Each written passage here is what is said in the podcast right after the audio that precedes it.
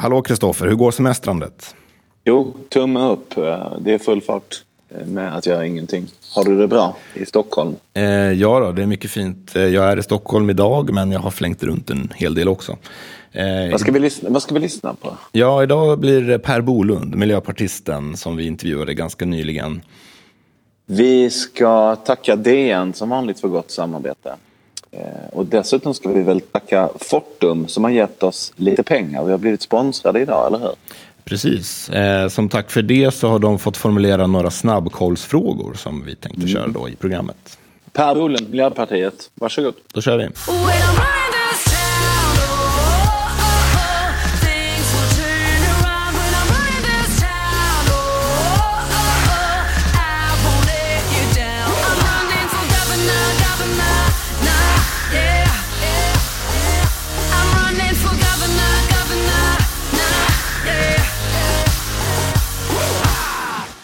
Jag eh, älskar ju Excel. Jag älskar tabeller, jag älskar att hitta på nya nyckeltal. Jag älskar att göra budgetar, jag älskar att planera. Och det där handlar ju om att jag vill öka effektiviteten. Jag vill liksom trimma allting hemma och mig själv och mitt företag. Jag vill pillefixa med varenda utgift och jag vill ju att framförallt mitt företag ska gå så bra och så effektivt som det bara går. Jag jobbar ju som ståuppkomiker. Själva jobbet är ju att hitta på trams och sen åka runt om i Sverige och berätta det tramset för folk. Men det här gör jag ju i form av att jag är en företagare, jag har ett aktiebolag. Så när ett år har gått så får jag ju svart på vitt hur stor skillnaden är mellan årets utgifter och årets inkomster. Och jag har nyligen då anställt en administratör som avlastar mig så att jag hinner berätta fler skämt på ett år utan att arbeta fler eh, timmar på ett år. Så det är effektiviserat.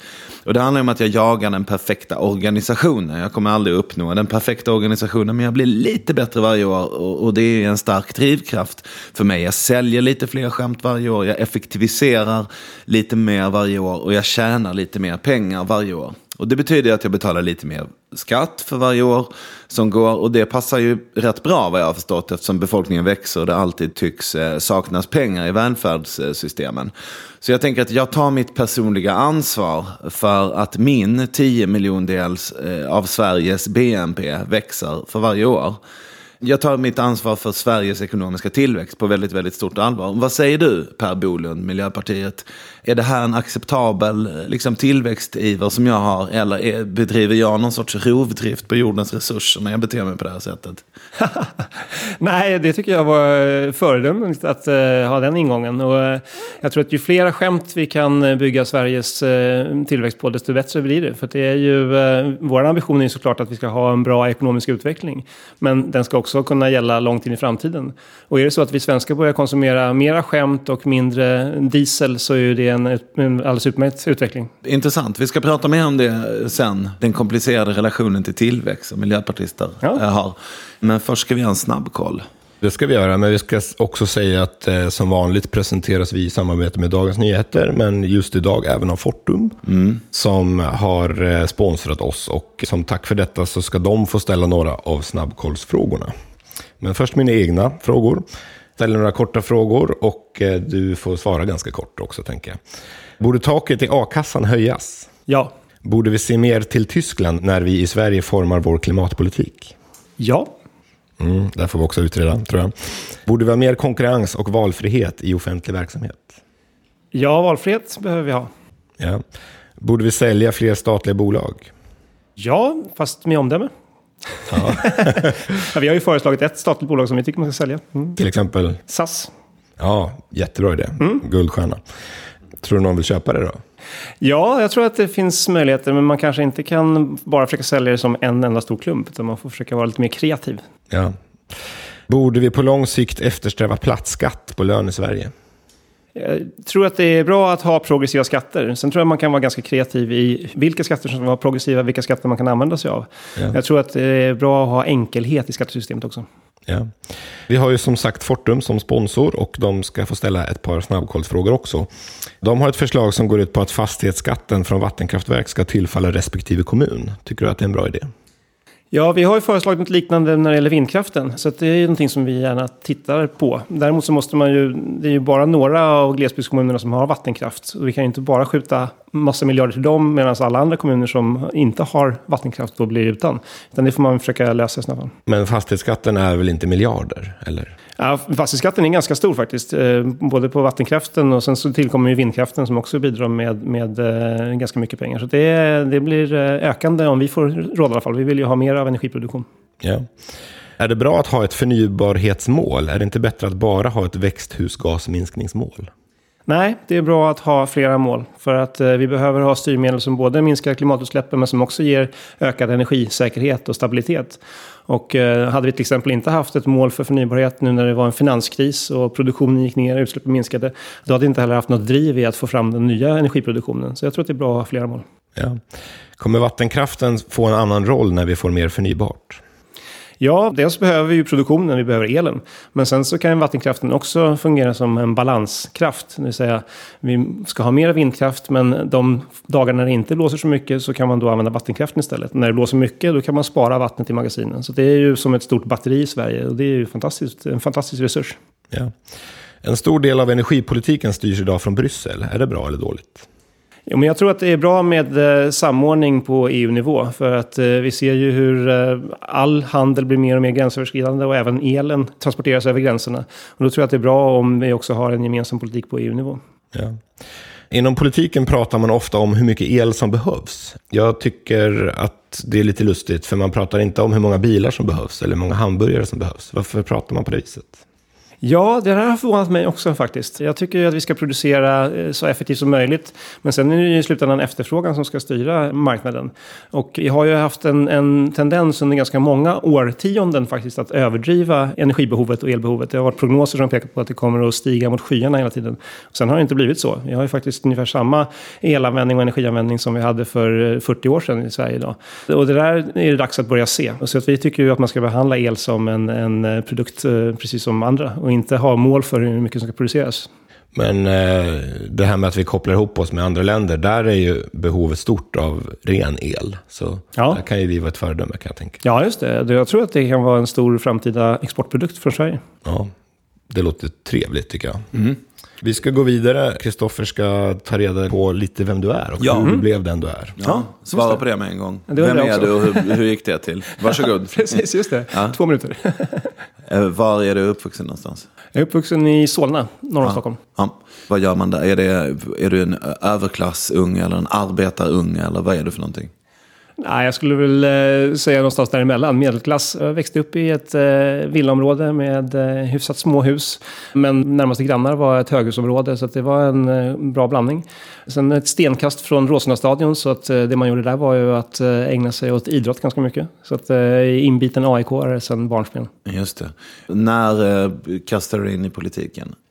Det var eh, ganska sent. Det var när jag läste på universitetet och eh, blev mer och mer medveten om eh, de stora utmaningar som vi står inför när det gäller miljö och klimat framför allt. Och en av de utlösande faktorerna var att jag var så förbannad över att trafiken i Stockholm inte funkade. Att vi hade ett system som både skapade en massa trängsel och krångel och besvär och också dålig hälsa och dålig luftmiljö och påverkar klimatet.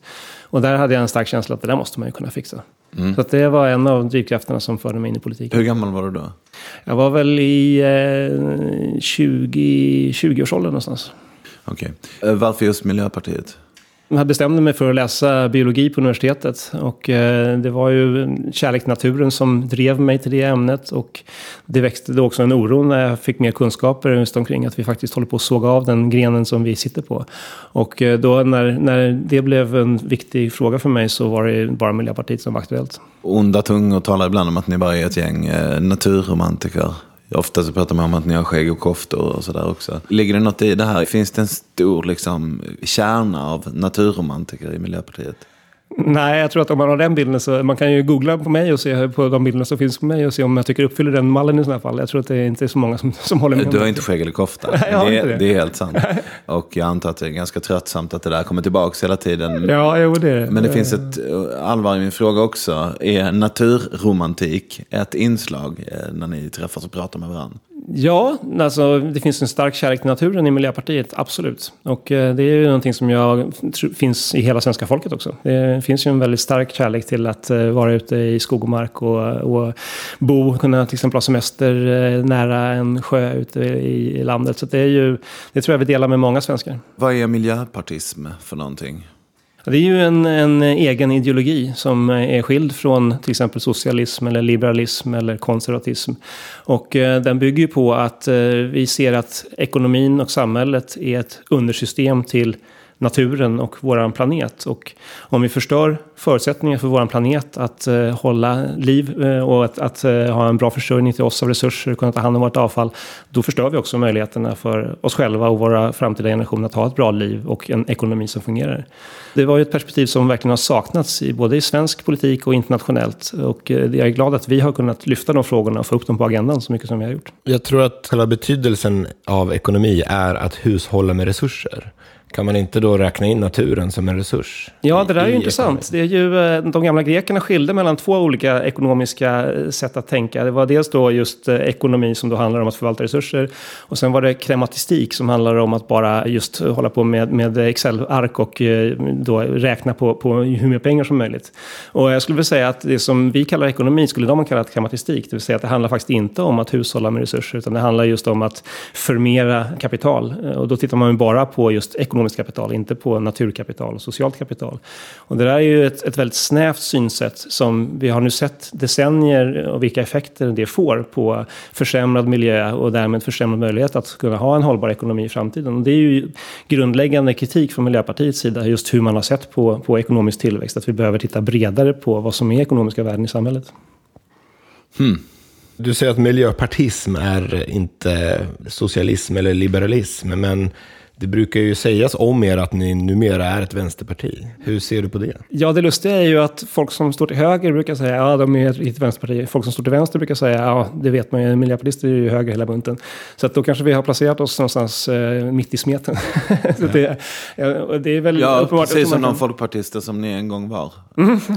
Bara det att ni har fört in en ny fråga på agendan som, som var undanskuffad. Ni har gjort det med bravur. Vi är alla tacksamma ja, för det. Kul, Men varför kul. är det så viktigt att försöka få så tänker jag att ni är något nytt. Ja, du kanske tänker på en specifik eh, folkpartist, Per Gahrton. Men, uh, ja, men jag tror inte det är någon slump. Alltså jag, jag som ju ofta har röstat på Folkpartiet känner ju mm. igen mig. Mm. Och, och, och, många i min situation säger ju att de mm. där är ju toppen för att de är mer ansvarstagande för vår mm. framtid. Mm. Men eh, ni har ju märkliga kompisar, tänker man. Så en röst på dem är ju också en röst på de andra.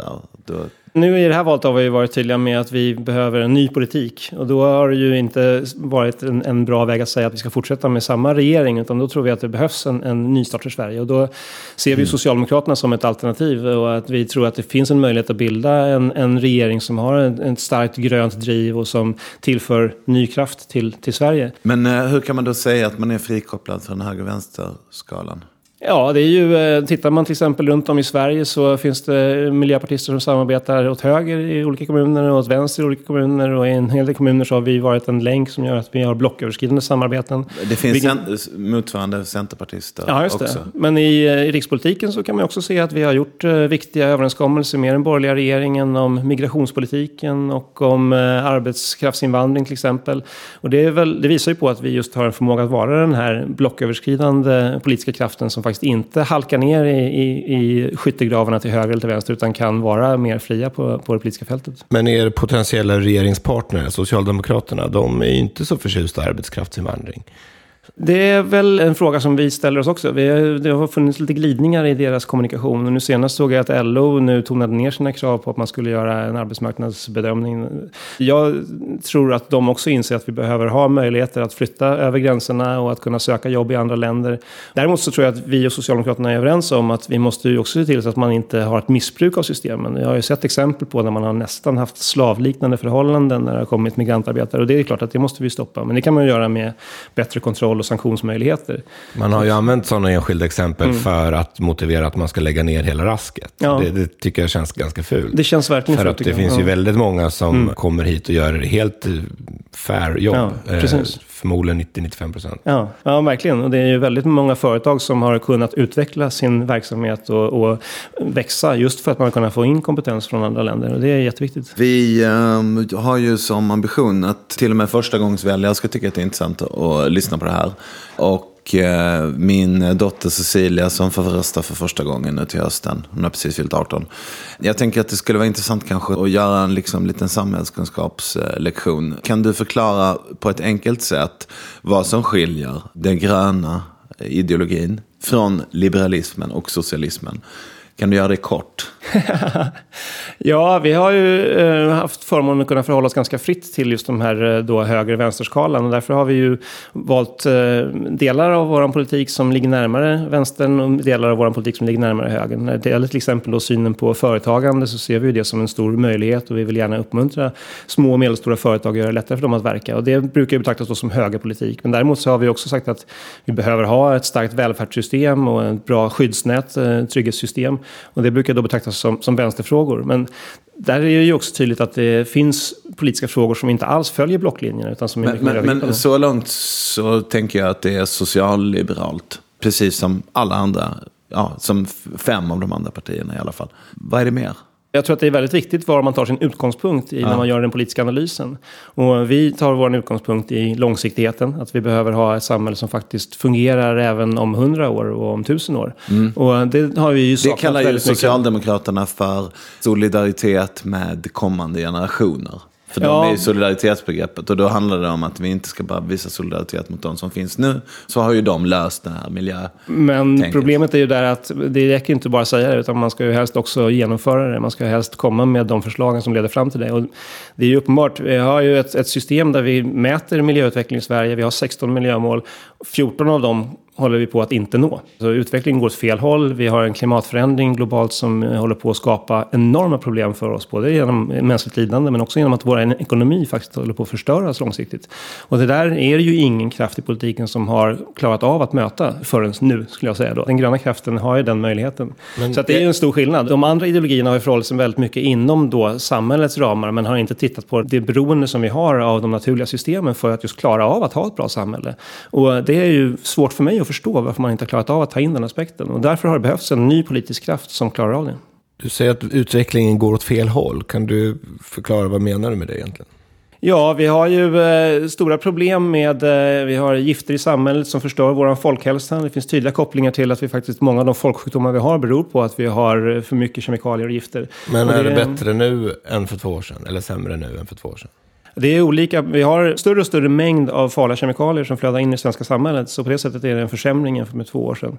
När det gäller klimatet så har vi ju då minskat våra utsläpp i Sverige men ökat våra utsläpp genom vår konsumtion i andra länder. Så där kan man ju inte heller säga att vi är på väg att lösa klimatproblemet i Sverige. Utan vi behöver mycket mera politik på det området. När det gäller den biologiska mångfalden så kan vi säga att där är vi på väg käpprätt åt skogen om man ska använda det begreppet. För att det är ju, vi är inne i Är en ny artutrotning. Ja, det är faktiskt, alltså det är så allvarligt så jag skulle nästan hålla med om det. det är, vi, är väg, vi är inne i en massutrotning eh, som liknar den när dinosaurierna dog ut. Och nu är det människan som är drivande bakom den utrotningen. Och det kommer att få enorma konsekvenser i framtiden. Hade det varit bra om dinosaurierna var kvar? Nej, det är ju klart att i naturen så sker det alltid en, en utslagning av vissa arter och nya Just. kommer till. Men där är ju skalan. Nu är vi på en takt där det går tusen gånger snabbare med utslagning av arter än vad det gör i naturliga förhållanden. Och det kan vi liksom inte bara låtsas som att det inte finns. Dog eh, dinosaurierna ut lagom fort?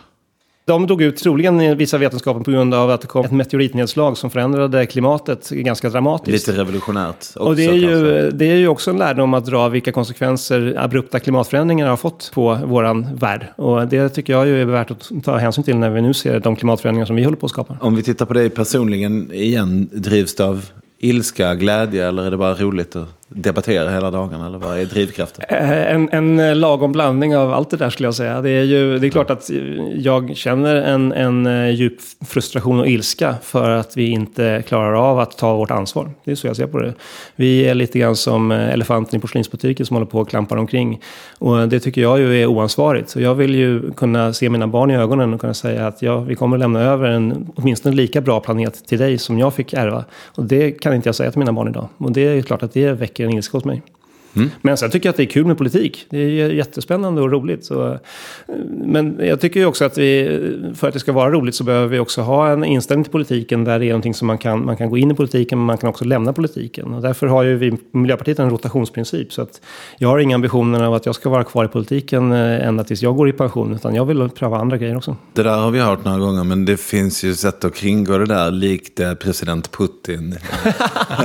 Det var en trevlig jämförelse. Tack för den. ja, nej, inga, övri- inga jämförelser i övrigt, men jag har tänkt på det där med att det, det går ju att vandra runt mellan lite olika grejer, så är man trots allt kvar i Miljöpartiet-sfären under hela sitt liv. Ja, alltså det är att, samtidigt så tror jag att du kan hitta väldigt många exempel på människor som faktiskt har lämnat och ägnat sig åt andra saker.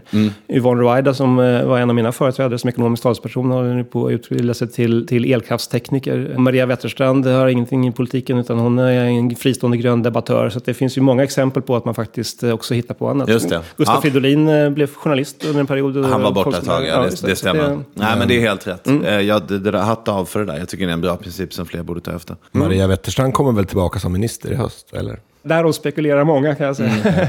Men i slutändan så är ju det, det är ju väljarna som avgör eh, vilken regering som det blir. Så om det blir ett starkt mandat för Miljöpartiet och vi får många möjligheter att få ministerposter i en kommande regering, ja då finns det ju stora möjligheter att få in Då får ni kalla hem trupperna. Då- Då får de sluta vara fristående. Jag tycker man kan eh, lyssna på Maria Wetterstrands sommarprat som finns på SR.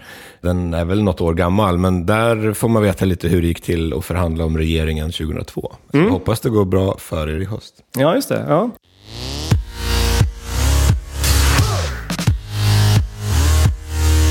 Vi ska prata lite mer om miljö och vi har ju redan kommit in på det lite grann. Men hur skulle du formulera problemet? Ja, problemet är ju att vi har en ekonomi och vi har företagsmodeller som utgår ifrån att vi har åtminstone tre jordklot som försörjer oss. Och det kan ju alla inse att det inte är, är hållbart. Vi klarar liksom inte av att förbruka resurser i den takten vi gör och släppa ut uh, utsläpp och använda energi så ineffektivt som vi gör och samtidigt faktiskt klara av att behålla vår hälsa och att vi ska ha en eh, fungerande matproduktion och att vi ska ha ren luft och rent vatten. Och det är ett enormt problem. Man brukar ju prata om klimatförändringarna som det största problemet, i alla fall för oss i Sverige som har löst många andra problem. Men hur kan man veta att det där är verklighet? Ja, det är få områden inom forskningen där det finns en sån enighet som när det gäller klimatfrågan. Ibland så lyfter man fram då enskilda forskare som har något frågetecken. Det finns ju nästan inga som, som ifrågasätter klimatförändringen i sin helhet, men då kan man liksom ha något annat mätvärde eller något sånt där. Men tittar du på i princip vilket annat forskningsområde som helst så är skillnaderna mycket, mycket större och, och de klyftorna mellan olika forskare. Så att för mig är det ju helt oförståeligt att vi, det finns, i världen finns fortfarande en diskussion om klimatförändringen finns eller inte. I Sverige är vi ju borta ifrån den diskussionen. Där har ju alla partier faktiskt, möjligtvis med undantag av Sverigedemokraterna då, accepterat att klimatförändringen finns. Och då är det dags att prata om åtgärder istället. Men det, det finns också en konsensusnorm i det här landet. Att när man säger någonting som är lite obekvämt, då blir man gärna mobbad. Till exempel som när Fredrik Reinfeldt sa att vi kanske behöver jobba till vi blir 75. Det förstår ju alla om man bara tänker efter lite grann, men alla mobbade honom i alla fall. Är det inte så att ingen vågar säga det obekväma? Ja, Miljöpartiet tillhör också de som har blivit mobbade i ganska många årtionden, så vi, vi har varit där. För att exemplifiera något? Ja, men vi har ju intagit eh, obekväma ståndpunkter där vi har sagt att vi kan inte fortsätta på det sättet som vi, vi gör nu och som ju många människor, jag och alla andra har ju fått en stor fördel av att vi har haft en ekonomisk utveckling och att vi har fått ett bättre välstånd. Men vi har vågat vara de som har faktiskt ifrågasatt att det här bygger inte på en hållbar grund. Vi, vi förstör möjligheterna för eh, våran framtid och för våra barns framtid. Och det är klart att det har ju inte varit något, något bekvämt eh, ställningstagande som har gjort att vi har fått applåder, utan vi har ju blivit hårt kritiserade för det och ironiserade och förlöjligade under många år. Men nu, nu har ju klimatet lite grann förändrats. Men jag tror inte att eh, synen på klimatförändringen bygger på att vi har en konsensuskultur, utan den bygger på att vi kanske har ett, ett större förtroende för forskning och vetenskap i Sverige. Men det här med att eh, temperaturen inte har ökat sedan 98, är det ingenting som får dig att tveka?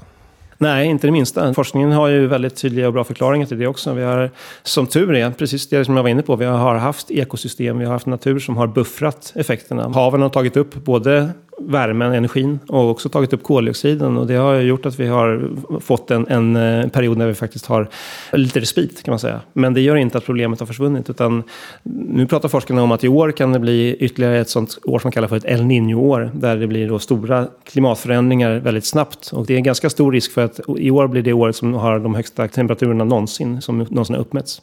Men de här forskarna, det är IPCC som du syftar på i första hand antar jag? Ja, IPCC är ju en sammanlänkning av många klimatforskare. Men det finns ju betydligt bredare forskning än bara IPCC också. Men de säger ju att eh, kärnkraft är förmodligen en viktig faktor för att lösa problemen. Om de då är en stor grupp forskare som har en konsensus, hur kommer det sig att ni inte följer den forskningen?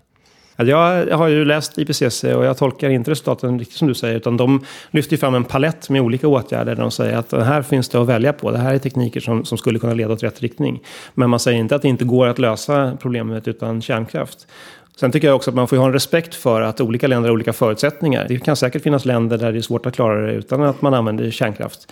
Men i Sverige så är det inget snack om att vi klarar av att få ett 100% förnybart energisystem. Så det är för oss, vi har ju det valet och då, tycker jag, då har jag svårt att förstå varför vi ska ha en energikälla som faktiskt leder till säkerhetsrisker, som leder till ett avfall som ska hanteras i hundratusentals år. Det är så bättre att använda det förnybara. Ditt motstånd mot kärnkraft bygger inte på känsla utan det bygger på analys?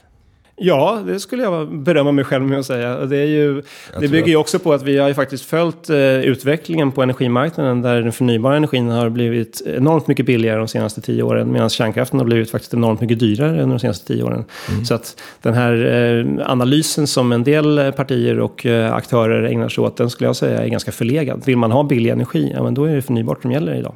Jag är ju väldigt förtjust i den här eh, kärnkraften man forskar på. Man kan sätta på och stänga av ett kärnkraftverk med en vanlig lampströmbrytare i praktiken och det gör den ju oerhört mycket säkrare. Man forskar också på typer av kärnkraft där man kan använda det gamla avfallet som bränsle.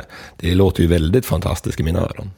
Ja, det är intressant. Jag, jag är den första att säga att vi ska fortsätta att forska. Det tycker jag också. Jag vill verkligen inte ha tillbaka något tankeförbud som har funnits tidigare, som man kallade det för, då, att man inte fick forska och utveckla. Men om, men däremot men om den ju... teknikutvecklingen ska få fart så får man väl tänka så som man har gjort med vindsnurror och annat att man måste satsa på det. Om man inte satsar på det finns det ju inget incitament att utveckla tekniken heller. Ja, problemet är ju just att när jag pratar med eh, kärnfysiker och forskare så säger de att ja, den här tekniken kommer förhoppningsvis att komma, men vi måste bara bygga en generation med traditionella kärnkraftverk först till.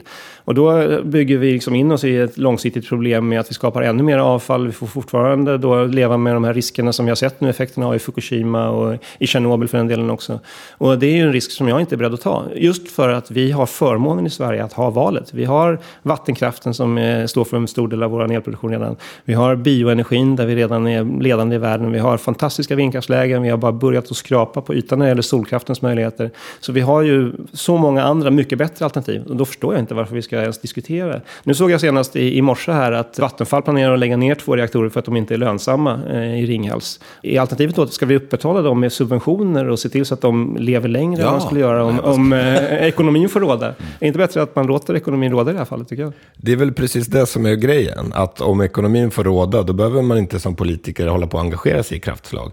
Om jag vill bygga ett kraftverk av vilket slag som helst, så borde jag ha rätt att göra det så länge jag uppfyller vissa säkerhetskrav.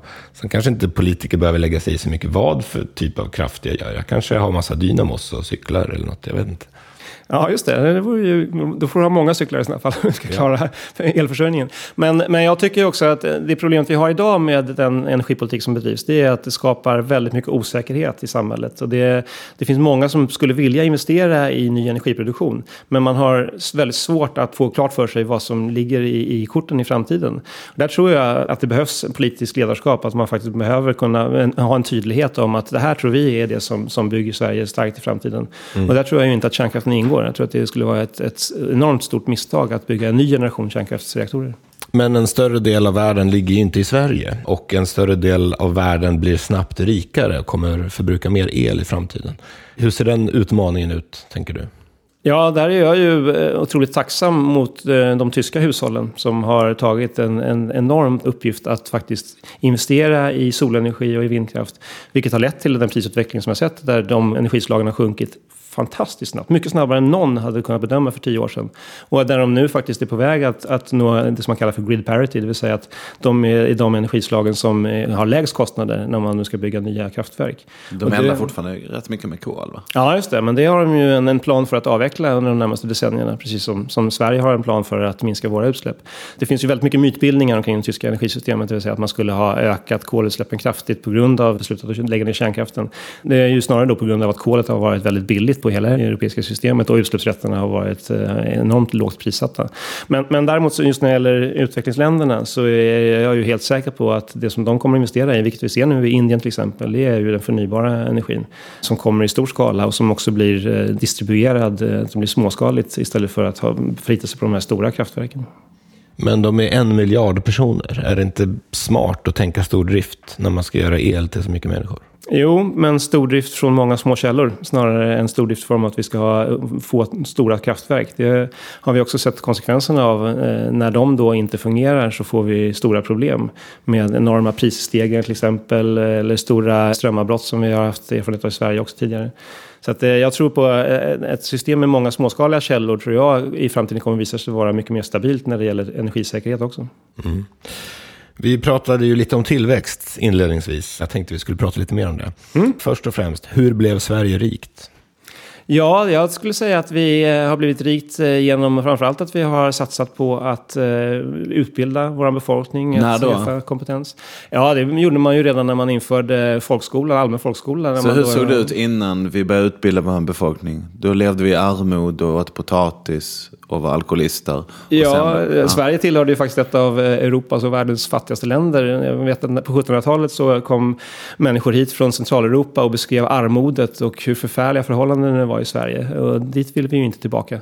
Så att det är ju genom att vi har utvecklat eh, först en industrialisering och sen så också faktiskt använt de resurserna för att till exempel skapa en högre kunskapsnivå och en kompetens. Det har varit väldigt viktigt för att bygga Sverige starkt. Sen har ju nu i modern tid så tycker jag att vi har haft stor fördel av att vi har varit innovativa, att vi har också eh, lett teknikutvecklingen, varit eh, early adopters och tagit till oss ny teknik. Och det tycker jag vi ska fortsätta med att vara också. Så var det väl förr också. Vi har väl eh, von Platen och Erikssonarna och sådana ja. där. Och tacka för mycket. Ja, just det. Precis. Men jag tror att det är den historiken som gör att vi fortfarande är positivt inställda till nya tekniska lösningar. Att vi har sett att det funkar. Och det är ju någonting som vi verkligen eh, håller fast vid. Vi är ju teknikoptimister i Miljöpartiet och tror väldigt mycket på nya tekniska lösningar. Men då måste man ju också våga släppa det gamla och eh, säga att det som har funkat förut kanske inte är det som funkar i framtiden. Men ni verkar ha ett lite komplicerat förhållande till tillväxt, tänker jag. Kan du utveckla det lite? Nej, vi har ett väldigt enkelt förhållande till tillväxt. vi, men det vi är bara att... att ingen annan fattar. Nej, faktiskt. Just det. Nej, men tillväxt beror ju på hur man mäter det och vad det innehåller som vi ser det. Jag tänker att vi kan hålla oss till måttet hur mycket BNP växer mm. varje år. Ja, just det. Ja, det är ju då det måttet som man traditionellt använder. Men nu ökar ju kunskapen och förståelsen för att det är väldigt mycket av vår samhällsutveckling som inte mäts genom att man mäter BNP.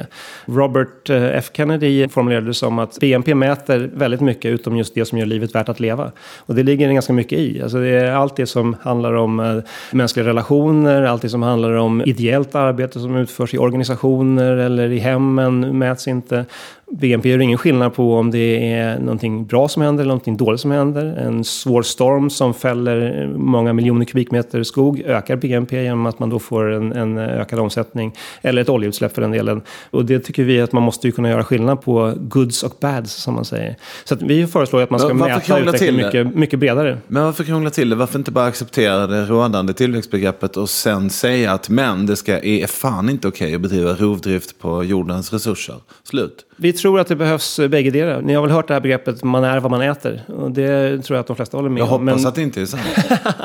men jag skulle vilja säga att det är lika sant att vi gör vad vi mäter. Och i och med att vi mäter BNP och fokuserar enormt mycket i samhällsdebatten på att få BNP att öka så missar vi alla de andra aspekterna. Vi missar just det här med att vi faktiskt bedriver rovdrift. Det kommer inte in i en, en, den politiska debatten tillräckligt mycket. Så vi behöver mäta bredare än vad vi gör idag och då kommer vi också fatta bättre relevanta beslut i framtiden. Men sen den andra delen av tillväxten det är ju att vi också måste diskutera vad som vi tycker ska tillväxa. Tycker vi att allt ska tillväxa? Är det det som är liksom den allmänna politiska uppfattningen? Jag tycker att kakan ska bli större för varje år. Gärna med fler procent än inflationen. Det tycker jag verkar som en bra idé. Och du och jag satt ju här nyss och pratade om Balsa von Platen. Mm. Och, mm. och, hur härligt det var när mm. folk hittar på grejer som mm. får ekonomin att växa. Mm.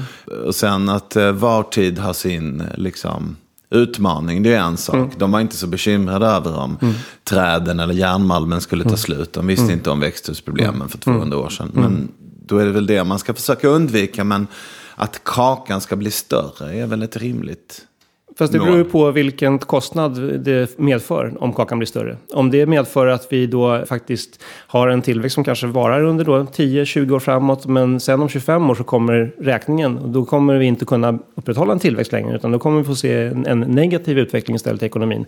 Är det värt det priset då? Men Eller det där är ju bara vara... dålig ekonomi tänker jag, som du beskriver. Om man tänker sig mitt, mitt företag, eller låt säga att det skulle vara eh, taxichaufför istället, som jag beskrev inledningsvis, så jag effektiviserar fungerar, hur jag försöker. Man kan tänka sig att taxichauffören lär sig eco-driving, satsar på någon elbil och sådär. Då är ju det där tillväxtdrivande. Ja, vi, vi men, men, men, det är klart som fan att han inte kan sälja sin bil. För då är man, han ju kortsiktig. Då ja, blir han ju en kvartals...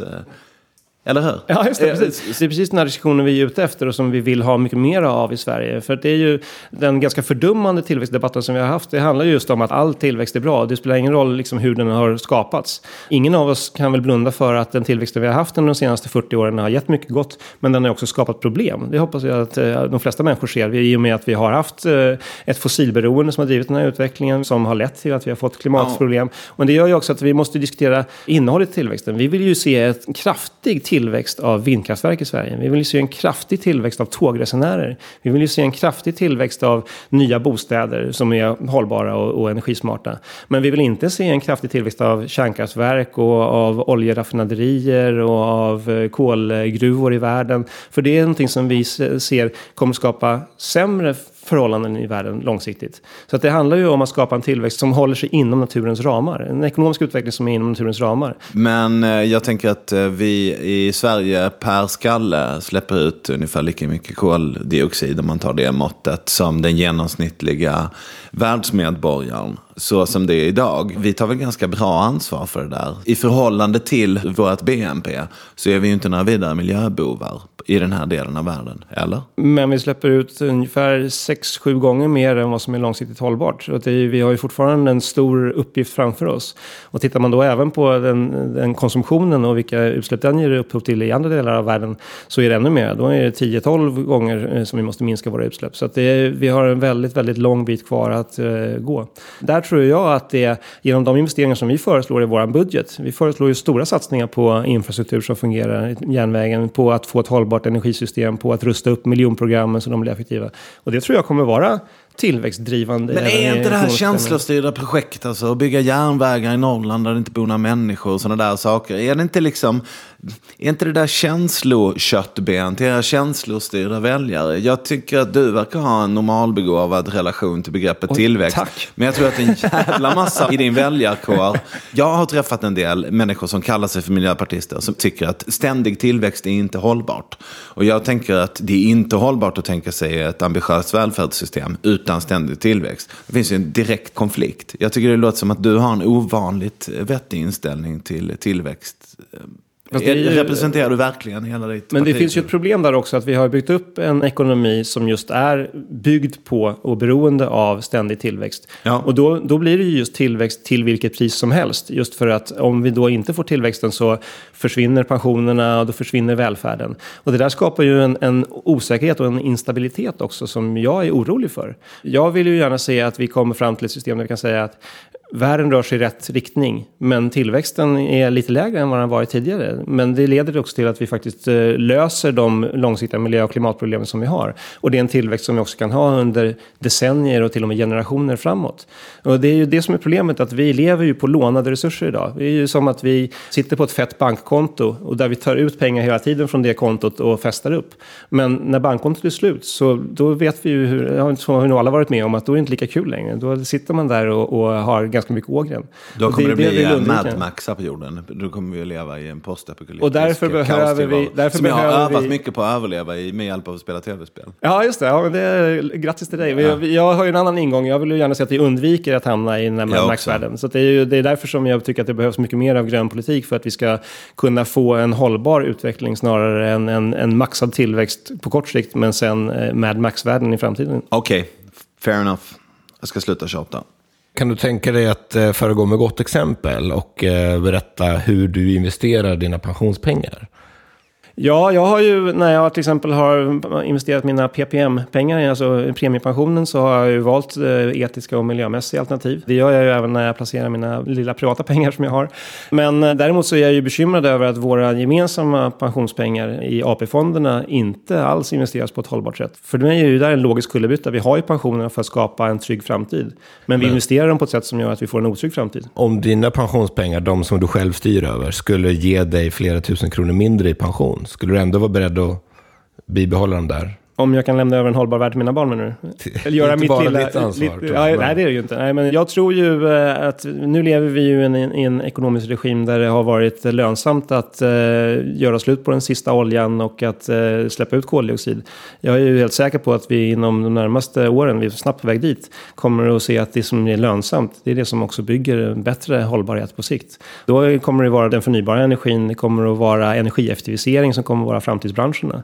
Och där är jag ju jätteorolig över att eh, just till exempel AP-fonderna, 95 procent av energiinvesteringarna ligger i kolkraft, i oljeproduktion. Och Säg till exempel nu att vi får ett klimatavtal i Paris här nästa år, där vi kommer överens alla länder om att nu ska vi minska utsläppen. Då kommer ju vi inte komma kunna ta upp den här oljan. Och då är ju alla de här bolagen kraftigt övervärderade. Det vill säga att pensionsfonderna kommer att förlora ganska mycket pengar. Då tycker jag ju att det är bättre att börja deinvestera, det vill säga ta bort de investeringarna och investera i det som är förnybart, som vi vet är långsiktigt hållbart istället. Yeah. Så vitt vi förstår så har du uttryckt att eh, det är eftersträvansvärt att i framtiden ha platsskatt på inkomster. Hur tänkte du då och tänker du likadant fortfarande? Det var väldigt kul. Det var med i en bok som eh, Almega, en, en organisation för tjänsteföretagen, tog fram. Och som just diskuterade eh, skatternas utveckling och hur man skulle kunna se på dem i framtiden. Det var väldigt roligt att skriva. Det var ett tankeexperiment som just handlade om hur kan vi använda miljöskatterna för att få en progressiv eh, skatteskala. Det vill säga att eh, till exempel då använda miljöskatter där de som har höga inkomster får betala lite mer och de som har låga inkomster får betala lite mindre. Skulle det kunna vara ett sätt att då ersätta progressiviteten i, när det gäller inkomstskatten? Marknaden. Jag är inte övertygad om att det är möjligt att, att eh, gå hela vägen så som, som jag eh, pratade om i det kapitlet, men jag tycker det vore intressant. Och det finns ju sådana skatter, till exempel flygskatt som vi föreslår. Det är ju tydligt då en skatt där höginkomsttagare flyger väldigt mycket mer än låginkomsttagare. Så där skulle ju de då bidra procentuellt sett mycket mera till skatteinkomsterna än, än eh, låginkomsttagare. Så det skulle ju vara en skatt som dels minskar utsläppen men också faktiskt verkar inkomstutjämnande. Det tycker jag vore bra. De som har höga utsläpp ska betala högre skatt. Mm. Ja. Jag tror att du sa höga inkomster. Ja, just det. Nej, men det är ju höginkomsttagare flyger, det finns det väldigt mycket statistik på. Mycket mer än vad låginkomsttagare gör. Och man kör mycket mera bil och man har mycket högre utsläpp per kilometer som man reser. Så det, är ju, det finns ju en tydlig koppling mellan inkomst och eh, fotavtryck på klimatet. Och där tror jag att man skulle kunna använda skatterna både för att minska utsläppen men också för att faktiskt få en, en jämnare inkomstfördelning som jag tror, jag är lite orolig över att inkomstklyftorna ökar så snabbt som de gör i Sverige nu. Men från en väldigt jämn nivå är det ju åtminstone. Ja, men där vi snabbt är på väg mot väldigt mycket större klyftor. Enligt OECDs mätningar så är vi ju faktiskt det land där klyftorna ökar allra snabbast i hela västvärlden. Du, eh, då måste jag få skjuta in en fråga om eh, eh, barnfattigdom som vi ju pratar om nu. Vi använder ju ett relativt fattigdomsbegrepp. Det är ju inte så att vi har barn i Sverige som lever på mindre än en dollar om dagen eller var gränsen går. Nej. Tycker du att det är ett relevant begrepp? Relativ fattigdom? Jag tror att vi måste använda båda. Jag tror att vi måste titta dels på materiell fattigdom. Det finns familjer i Sverige som har så illa ställt. Till exempel familjer som vräks från sina bostäder Ja. för att de inte kan betala hyran. Men om vi sen håller oss till det relativa. Ja, ja, men jag tycker att det är relevant. För att vi vet ju alla att vi jämför oss med varandra och våra barn jämför sig med varandra på skolgården. Och då tycker jag att det är rimligt att man också diskuterar den relativa fattigdomen. Det vill säga hur inkomstfördelningen mellan familjen Men, men låt säga att man i ett trollslag skulle fördubbla allas inkomst på en och samma gång. Från den nivå där de befinner sig nu. Mm. Då skulle den relativa fattigdomen vara exakt lika stor efter trollslaget. Trots att de har fått det dubbelt så bra. Ja, i kronor räknat skulle den till och med öka då. Eftersom de rika skulle få ännu mera eh, kronor. Har man en miljon så får man två miljoner, medan om man har 100 000 får man bara 200 000. Så det blir Just en det. ännu större ekonomisk klyfta då. Just det. Vi har ju ingenting emot att människor får det bättre ekonomiskt ställt i Sverige så länge det sker då under hållbara former. Men däremot så är det ju, jag ser det som ett problem. Sverige är ett land där vi traditionellt har haft ganska små inkomstskillnader som du var inne på. Det är det som har byggt också att vi har ett högt förtroende i samhället. eh, Förtroende både för varandra och för institutioner i vårt samhälle. Och jag tror att det är värden som är värda att, att bygga vidare på. Och där är jag ju rädd för att om vi får för stora inkomstklyftor att det skapar misstroende och att det skapar eh, spänningar i samhället som kommer att kunna få ganska stora Jag konsekvenser. skulle gärna prata en kvart till om det här, men vi måste gå vidare nu. Så är det.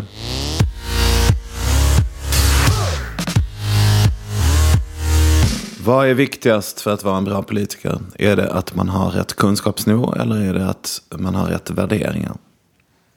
Det går inte att svara på. Jag tror Okej. att det, Då bestämmer, man, jag att måste vi, ha, man måste ha båda. Det är, då bestämmer jag att vi genomför både ett kunskapstest och ett enkelt moraltest. Vi börjar med kunskapen. Ja, kunskapstestet eh, fungerar så att jag kommer ge dig några påståenden och du får säga om du tror att det är sant eller falskt. Kinas koldioxidutsläpp fördubblades mellan 2001 och 2010.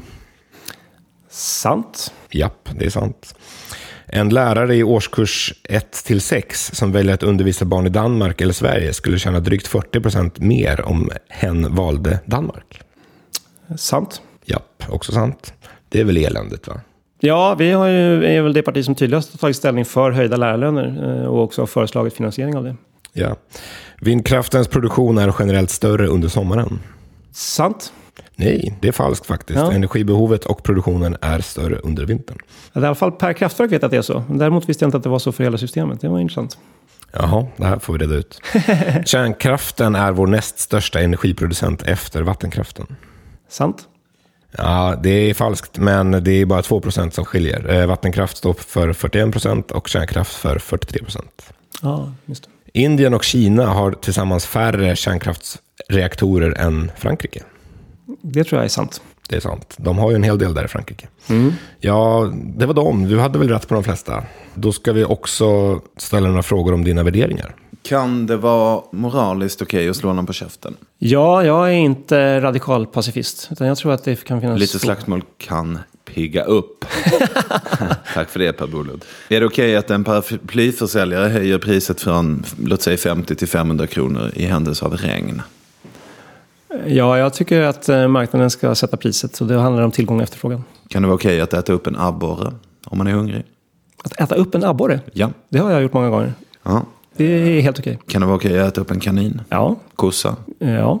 Man får döda de andra varelserna här på jordklotet och äta upp dem om man har lust. Är det så jag ska uppfatta dig? Ja, sen behöver vi ju generellt fundera över eh, vår köttkonsumtion för att den skapar både ohälsa och den skapar väldigt stora miljöproblem.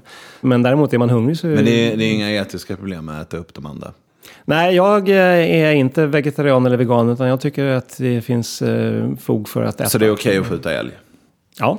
Det är okej att skjuta varg? Där handlar det mer om att faktiskt bevara populationer av djur som är hållbara långsiktigt och att bevara den biologiska mångfalden. Och det är klart att om vi skjuter av den sista kaninen, då skulle jag protestera. eh, Eller den sista kossan. Utan det är ju, det gäller att vi faktiskt har en Så biologisk vi får ha mångfald. ihjäl dem så länge vi inte utrotar dem? Ja, det kan man väl sammanfatta. Så, så, så, så vi vill ha kvar deras gener i det här gigantiska friluftsmuseet som vi människor driver här.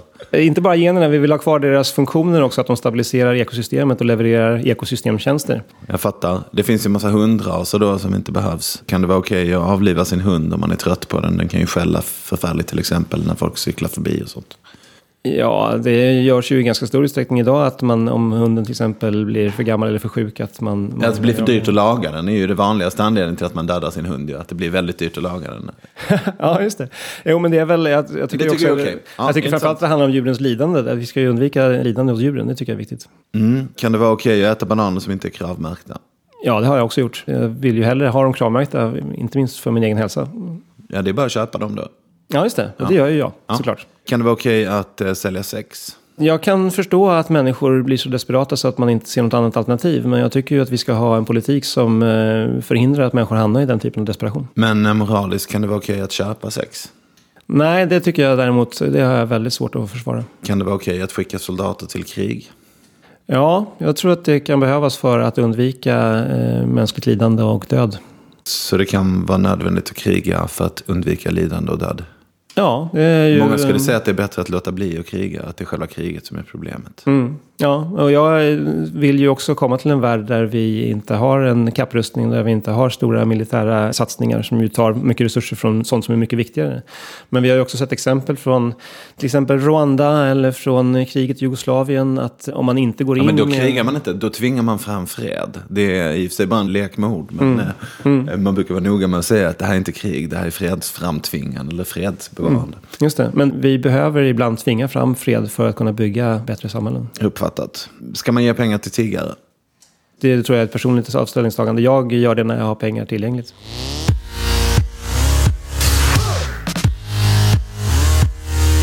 Du har fått möjligheten att tipsa om en bok. Vilken bok vill du tipsa om? Jag håller på att läsa den nu som jag tycker är jättespännande, som heter Corporation 2020. Som handlar just om hur företagen med modernt tänkande och en relevant analys av omvärlden kan bli en del av lösningen på miljöproblemen. Så den kan jag rekommendera för alla. Den är väldigt spännande. Vad heter den sa du? Corporation 2020, det är en kille som heter Pavan Sukhdev som har skrivit, som också har varit ledande i analyserna av hur viktiga ekosystemen och naturen är för att försörja vår ekonomi och få den att fungera. Ja.